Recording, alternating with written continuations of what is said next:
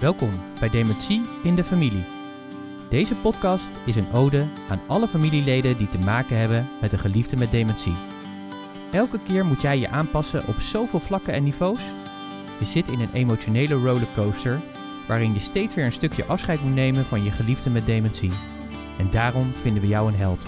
Ga maar aan staan. Deze podcast is er speciaal voor jou. Om je te inspireren, motiveren met tips en tricks, het echte verhaal, zowel de pijn als de humor, maar vooral een plek van herkenning. Fijn dat je er bent en luistert.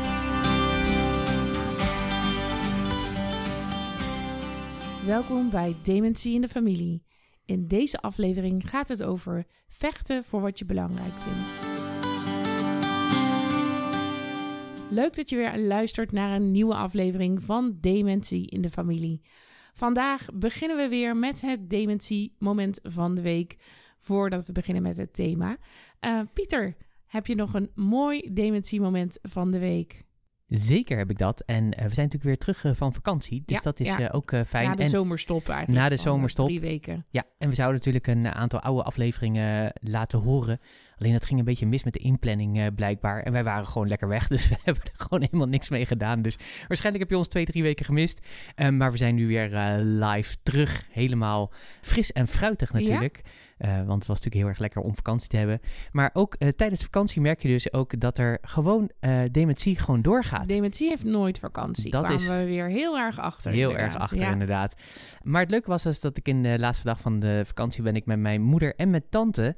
Trouwe luisteraar van de show trouwens. Absoluut, absoluut. Zijn wij eh, even bij mijn zus eh, langs geweest. En dat was ook eh, heel fijn. Zeker ook omdat natuurlijk mijn moeder natuurlijk mijn zus natuurlijk miste. Maar ook mijn tante die heeft goed contacten in het verleden gehad eh, met mijn zus. Dus dat is ook voor haar heel fijn om er te zijn. En wat ook gewoon fijn was, het was gewoon fijn om met elkaar te zijn. Maar ook dat ze, zij mijn tante nog herkende. Want dat is altijd natuurlijk even de vraag als mensen natuurlijk een wat langere periode uit iemands omgeving zijn. Is dat er dan nog? En mijn neefje kwam ook nog even langs. Dus het was gewoon heel eh, gezellig. En we zijn Een even... grote happy family. Eigenlijk ja. wel, ja. Dus dat was eh, heel fijn. En ehm, ja, je merkt ook wel weer als je natuurlijk een paar weken dan niet geweest bent, dat ook eh, dat je kan zien dat eh, ja, toch elke keer moet je toch weer instellen eigenlijk op het feit dat als je geweest bent, dan moet je dat als uitgangspunt nemen. En dan moet je eigenlijk denken van elke keer als ik de volgende keer weer kom, neem dat uitgangspunt en, en bedenk dan zeg maar, het wordt weer een stap minder eigenlijk. Hè? Dat is eigenlijk een Ja. beetje wat, eh, wat je voor ogen moet eh, houden. Anders is het elke keer zo confronterend hoe hard eigenlijk iemand achteruit gaat. En dat vond ik nu ook weer bij mijn zus, dat je gewoon merkt van shit, ja, weet je, het, je merkt gewoon weer dat er, ja, ze is weer anders zeg maar dan eh, de keren daar, daarvoor. En soms zit het gewoon in hele kleine, kleine dingen. Maar het was ook heel mooi. We hebben ook echt eh, genoten. Eh, ik heb een heel mooi filmpje. We waren in een park aan het wandelen. Dat mijn moeder eh, met haar edelwijs aan het zingen is. Zeg maar onder een hele mooie boom die ze heel mooi vindt. Dus dat, Ah, ja, dat zijn natuurlijk ook wel weer de, de, de, ja, de golden nuggets, zeg maar, Ja, die je eruit de moet halen. magische momenten. De magische momenten, inderdaad. Dus ehm, ja, inderdaad, de dementie neemt geen vakantie. Nee, dus eigenlijk wat je zei, zowel in je zus waar je was met je moeder en je tante, gaf inspiratie voor vandaag. Want daar kwam je ook vandaan toch weer met een aantal dingen waarvan je dacht, dit zou ik eigenlijk anders willen zien. Maar ook, ja, dementie neemt geen vakantie. eh, en mijn opa en oma zijn natuurlijk onlangs verhuisd. En die moeten ook nog echt heel erg wennen op hun nieuwe plek. En ook dat was input voor deze aflevering waar we het gaan hebben over vechten voor wat je belangrijk vindt. Vechten voor wat je belangrijk vindt als het gaat om wie jouw geliefde bijvoorbeeld altijd is geweest. En nu de ziekte eh, ja, steeds verder jouw geliefde eigenlijk overneemt, wil je eigenlijk dat iemand toch nog nou, zoveel mogelijk blijft zoals die was. Of dat het in ieder geval zijn omgeving of haar omgeving en hoe iemand is recht doet aan hoe jij en je geliefde vroeger ze hadden gezegd dat iemand ja, erbij zou kunnen lopen of in wat voor omgeving iemand zou ver- verkeren. Dus dat was de input eh, voor eh, deze aflevering. En het is ook iets waarvan ik weet dat jouw moeder zich daar ook altijd heel hard voor maakt om te vechten voor wat ze belangrijk vindt. Jazeker, want dat is inderdaad eh, belangrijk. Wij hebben natuurlijk te maken dat zowel mijn zus als mijn vader en nu je opa en oma ook opgenomen zijn in een verpleeg- en verzorgingshuis. Ehm, dat betekent ook dat die zorg over wordt gedragen aan anderen. En het is natuurlijk nooit helemaal 100% zoals thuis. Dat gaat gewoon eh, niet. En dat hoeft ook niet altijd. En dat hoeft ook niet. Alleen je merkt wel natuurlijk dat het risico bestaat, zeker ook natuurlijk in de zorg, met tekorten, met eh, verschillende mensen die ja, ook weer eh, verschillende kwaliteiten hebben. Betekent het ook dat ja, soms het voorkomt dat je geliefde even niet ja, gewassen is of even niet uh, verzorgd is. Of uh, bij mijn zus merkte bijvoorbeeld dat nagels bijvoorbeeld heel slecht werden onderhouden, ondanks dat er een pedicure is. Uh, maar dat duurde dan te lang eigenlijk, of de periode die ertussen zit is dan eigenlijk te lang.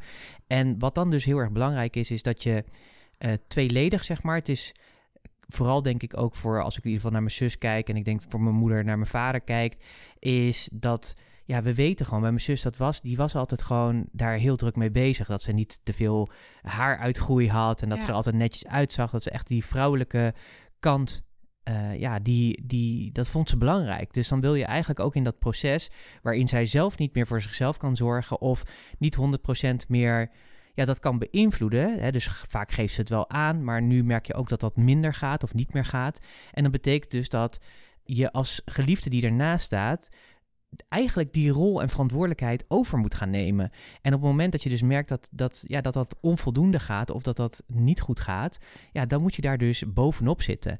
En de reden waarom je daar bovenop moet zitten is dat het belangrijk is voor jezelf, maar ook denk ik ook voor je geliefde, om die eigenheid die zo belangrijk, en ondanks dat het natuurlijk verandert, dan om die wel te behouden.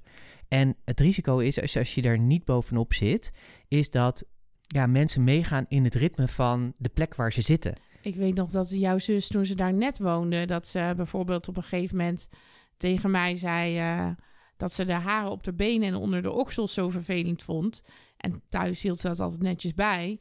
Eh, en precies wat je dat zei over. Ze zei: Ja, ik voel me zo ook gewoon niet vrouwelijk. Ik wil graag vrouwelijk zijn. En toen kon zij dat nog aangeven.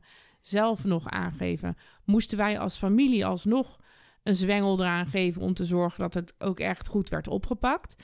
Uh, maar nu kan ze dat eigenlijk zelf niet meer aangeven. En in het tehuis weten ze niet dat zij vroeger al uh, met busjes uh, verf liep om er uitgroei te maskeren en dat soort dingen. En nu merk je dat ze bijvoorbeeld, omdat het steeds moeilijker wordt voor haar om lange tijd stil te zitten en naar de kapper te gaan, dat, ze, dat er af en toe wat langer tussen een verfbeurt zit.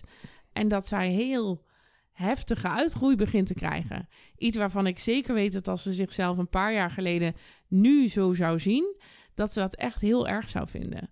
Ja, dat is een beetje zo balanceren, zeg maar, ertussenin. Dus uh, ja, het is denk ik wel belangrijk om... Ik denk dat we dat ook je willen meegeven van... Het is tweeledig. Je wil uh, natuurlijk dat je geliefde gewoon zo verzorgd wordt... zoals hij altijd werd verzorgd. Of dat hij of zij zich verzorgde.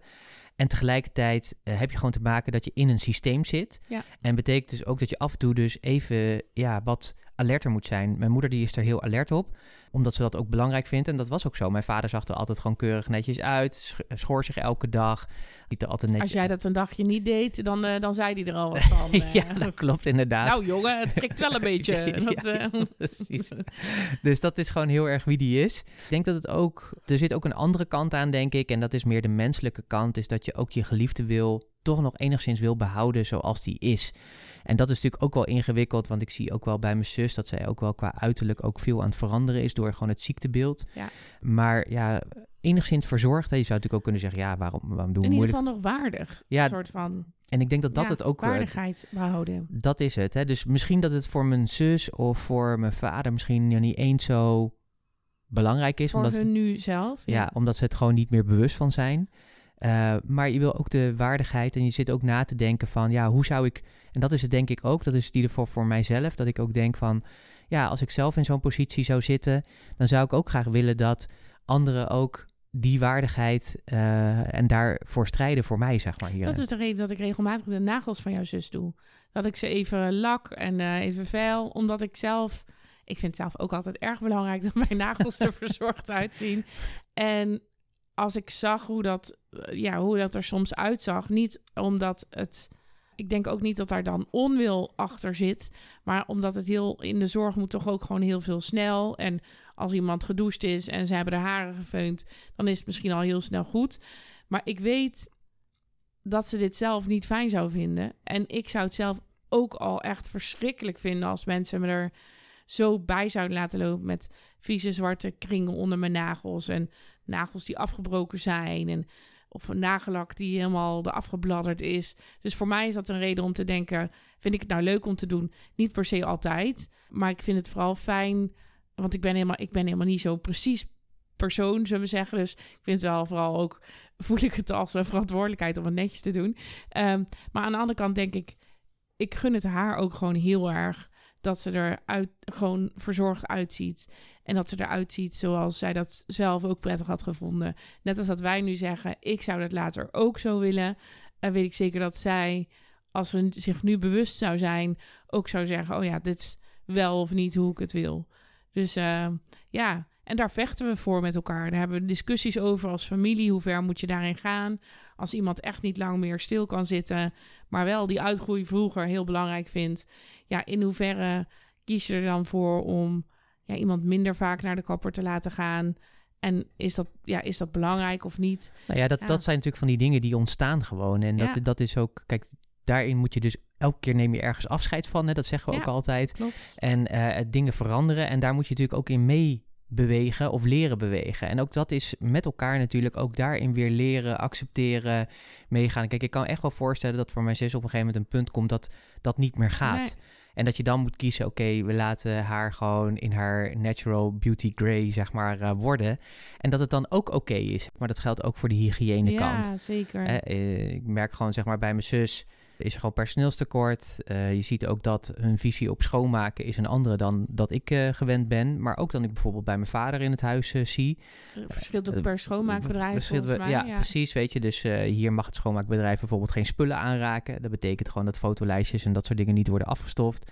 Terwijl bij mijn vader doen ze dat gewoon met de verpleging volgens mij zelf of zo, heb ik het idee. Of in ieder geval de, de, de facilitaire dienst die dat doet, die doet dat keurig netjes allemaal. En, dat, en ik denk dat mijn moeder ook af en toe wel eens even een doekje ergens overheen haalt. Maar ja, wij hebben geval nu besloten, ook op basis zeg maar, van meerdere keren aangegeven bij het huis, van ja jongens, het is gewoon echt, het is echt gewoon niet schoon hier zo. En dit kan, kan ook eigenlijk gewoon niet, want het, ja, weet je, mensen wonen daar ook gewoon. Dus dat vind ik onderdeel van de verzorging. Ja.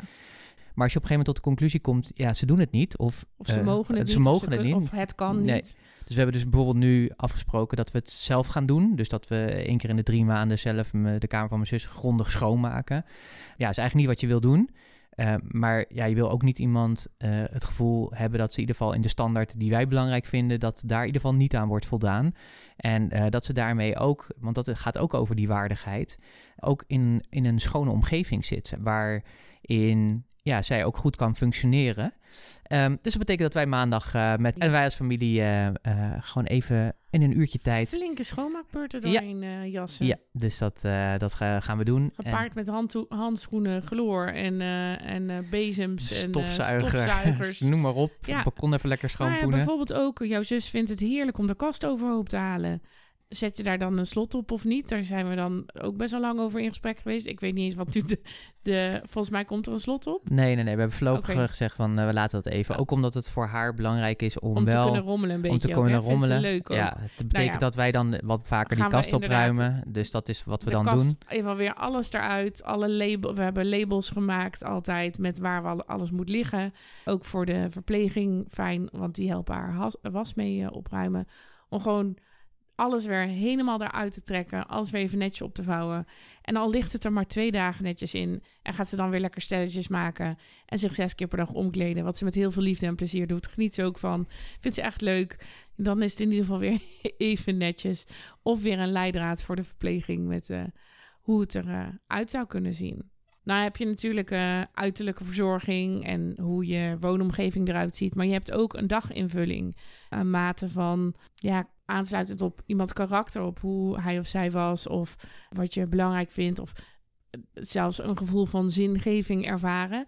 En dat is wat wij in de wenperiode van mijn opa en oma heel erg merken.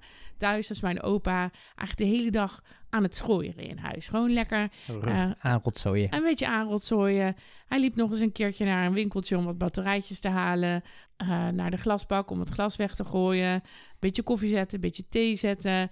Gewoon de hele dag ben je dan gewoon, kun je gewoon lekker bezig zijn. Ze wandelden ook echt heel regelmatig. Begin 90 zijn ze, vind ik echt super knap en geweldig. Dat, die gingen nog wandelen. Elke dag, hè, Elke door de dag buurt. door de Rondje. buurt of naar, naar de markt. Wat toch echt wel, volgens mij, ruim 20 minuten, eh, als het niet een half uur is, in hun tempo lopen is. Ja, op het moment dat ze gingen wonen op een nieuwe plek, was het echt nog, of is het nog steeds wel, maar daar hebben we gelukkig ook met z'n allen van gezegd: oké, dit moet een beetje anders. Was het echt zoeken, met name voor mijn opa, die verveelt zich gewoon toch best wel heel erg. Want wat, alles wat hij vroeger deed, kan hij niet meer. Koffie zetten en thee zetten, dat wordt voor hem gedaan. Hij mag in principe gewoon weg, want het is geen gesloten afdeling. Maar je woont niet meer in je eigen buurtje, eh, waar ze ook echt al heel lang gewoond hebben. Dus een blokje om met z'n tweeën, dat doe je niet eens meer zo makkelijk. Sterker nog, in die eerste paar weken waarin ze nu nog zitten, ik ben benieuwd of ze de uitgang van het huis überhaupt zelf kunnen vinden. Ik denk het niet. Dus daarin zijn we heel erg aan het zoeken naar hoe kunnen we eh, deze mensen die echt in de, eh, de nadagen van hun bloei van hun leven zitten, zullen we zeggen, ja, toch ook op de plek waar ze nu zitten, het gevoel geven dat hun leven meer is dan alleen maar in een kamer zitten wachten tot er een keer iemand op bezoek komt. Of ja, dat er invulling is die past bij het actieve karakter wat mijn opa en oma ook echt hun hele leven lang gehad hebben. Ja, en, en dan zie je zeg maar dat het dus belangrijk is ook om, hè, dat is altijd zeg maar in zo'n beginperiode. Ik denk zeg maar dat we bij je opa en oma kunnen zeggen dat zij daar kwamen en dat ze meteen eigenlijk meegingen in het ritme van het huis. Ja. En dat ze eigenlijk ja, onvoldoende aandacht was geweest zeg maar, voor een soort overgangsfase waarin ja, je opa en oma eigenlijk ja, zoveel mogelijk gefaciliteerd zouden moeten worden in hun eigen realiteit die ze hadden en hun routines. Ja. En dat langzaam zeg maar integreren dan in de komende weken, maanden eh, in ja, meer zeg maar eenwording met de routine van het huis. In Want plaats van op de ene op de andere dag. ach, eh, van ja. En ik denk dat dat ook de grootste onrust, denk ik, heeft gegeven bij eh, je opa en oma. Ehm, maar gelukkig, maar dat is natuurlijk dan ook weer mooi, want het gaat natuurlijk over strijden.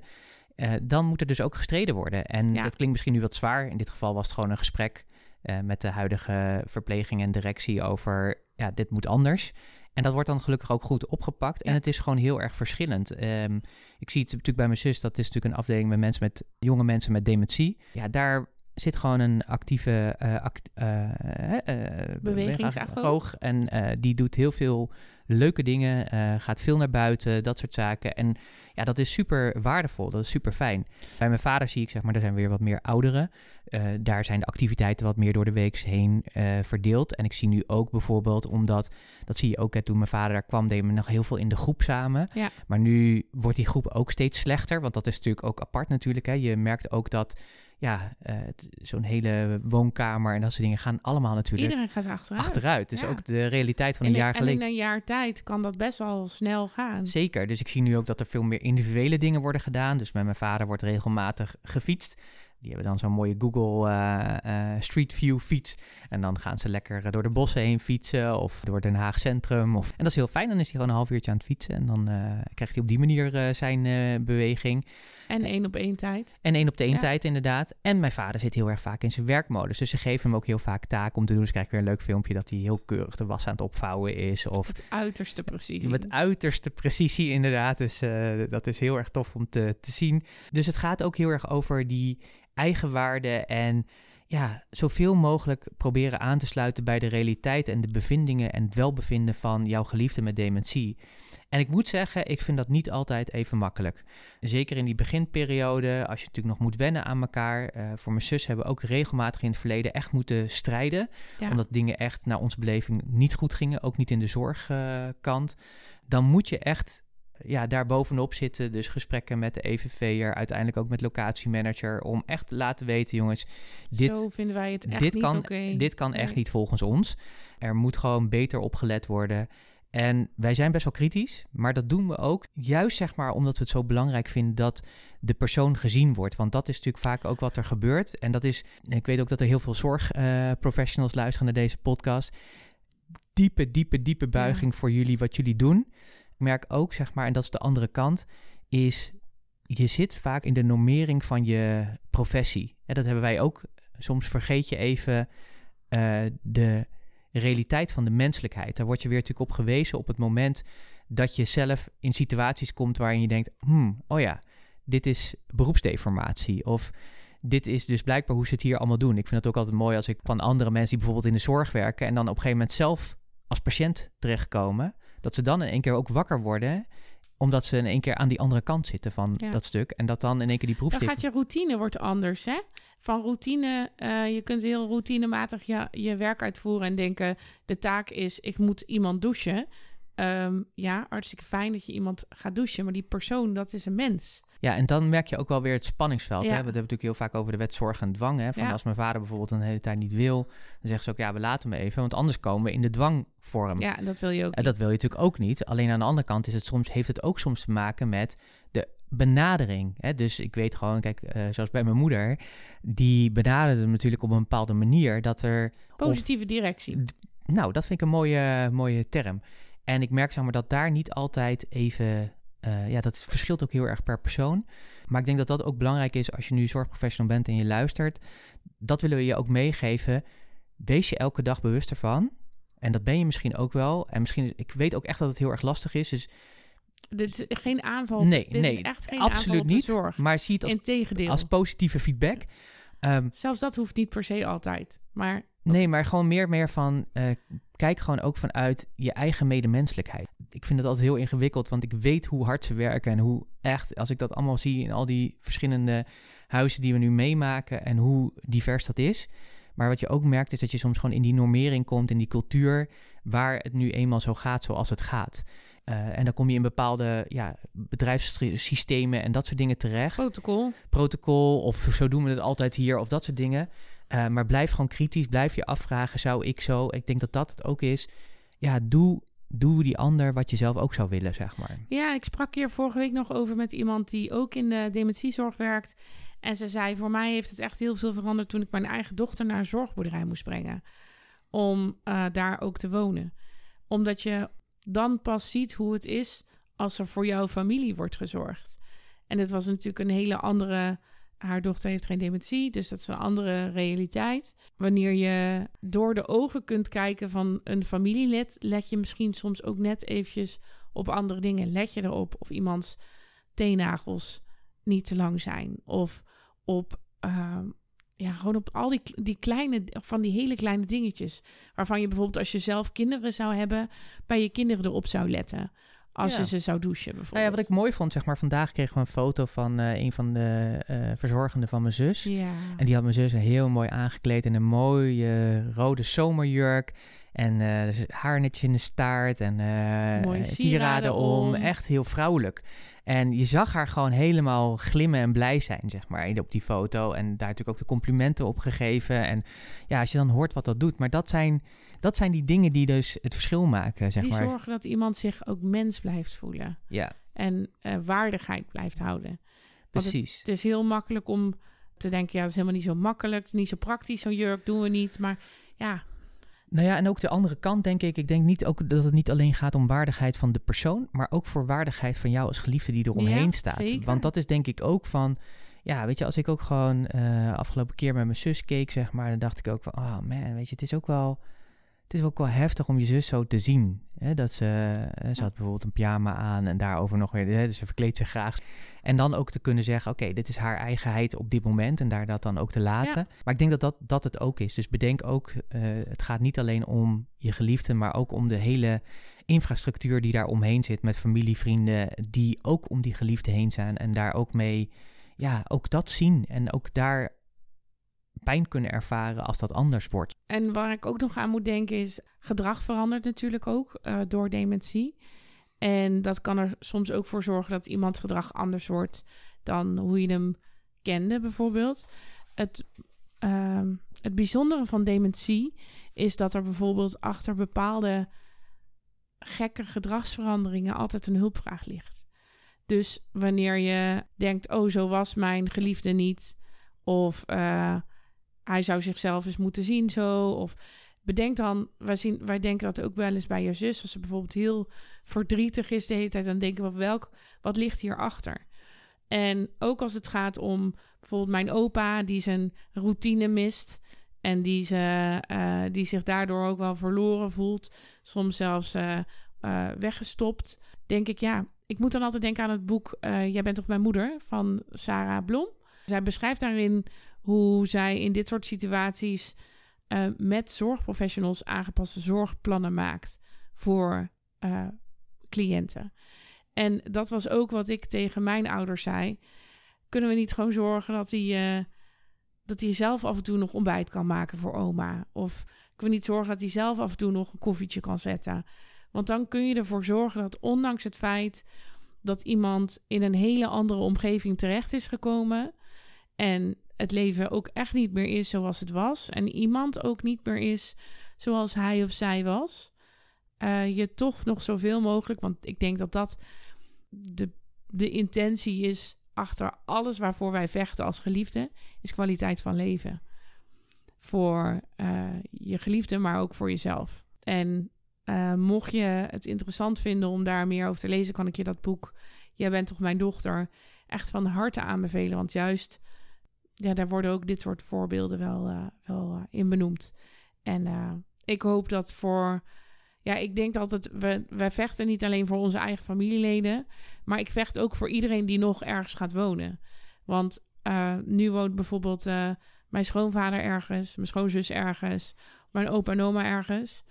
Maar er, komt ook nog weer, er komen ook altijd nog weer cliënten na onze eigen familie.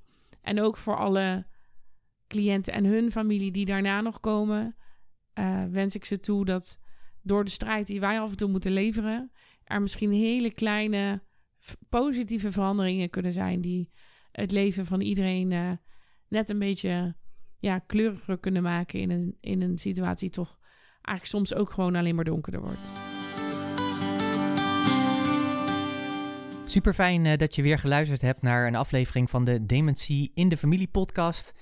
Mocht je anderen in je omgeving kennen die ook te maken hebben met een geliefde met dementie, stuur deze podcast dan door. En zeker ook als het gaat om het thema van vandaag, waar je anderen misschien hebt zien struggelen of zien vechten voor hun geliefde of daar moeite mee hebben, dan van harte uitgenodigd om deze, deze podcastaflevering ook uh, te delen. Heb je een vraag aan ons of zou je graag een keer jouw vraag behandeld zien worden in deze podcast? Ga dan naar dementieindefamilie.nl en vul daar het contactformulier in. We zijn daar heel erg blij mee, want we maken deze podcast samen voor jou, maar natuurlijk ook vooral met jou. Je kunt dit uh, podcastkanaal volgen als je dat nog niet doet. We hebben gelukkig al uh, op Spotify honderden volgers, meer dan 600, daar ben ik super blij mee. Um, en op Apple weet ik het niet eens precies. Maar ja, die volgers, dat zijn niet alleen maar aantallen. Daar zitten luisteraars achter, wat ik geweldig vind. Maar ook Spotify en podcast, Apple Podcast vinden het ook heel fijn als wij veel volgers hebben. Want dan denken ze, deze podcast is belangrijk. Die mogen we in het algoritme vaker naar voren laten komen of hoger laten scoren als iemand zoekt op het woordje dementie. Dus volg je ons nog niet, dan kun je dat doen via de apps op je mobiele telefoon. Zit je op Spotify, pak, lekker je telefoon erbij en ga naar Dementie in de Familie. Klik op volgen links onder het plaatje van de Dementie in de Familie podcast. En als je dat dan hebt gedaan, rechts naast het tandwieltje heb je drie puntjes. Klik daarop en dan kun je ook nog eens onze show beoordelen. Hartstikke leuk. Uh, wederom, hoe meer sterren we krijgen, hoe meer mensen ons vinden. Dus als je ons zou willen helpen, geef dan 5 sterren. Mocht je deze podcast liever via je iPhone beluisteren, dan kan je natuurlijk ook een volger worden van de, de Dementie in de Familie podcast. Ga naar Dementie in de Familie Rechtsboven zit een plusje. Als je dat aanklikt, check, dan ben je een volger.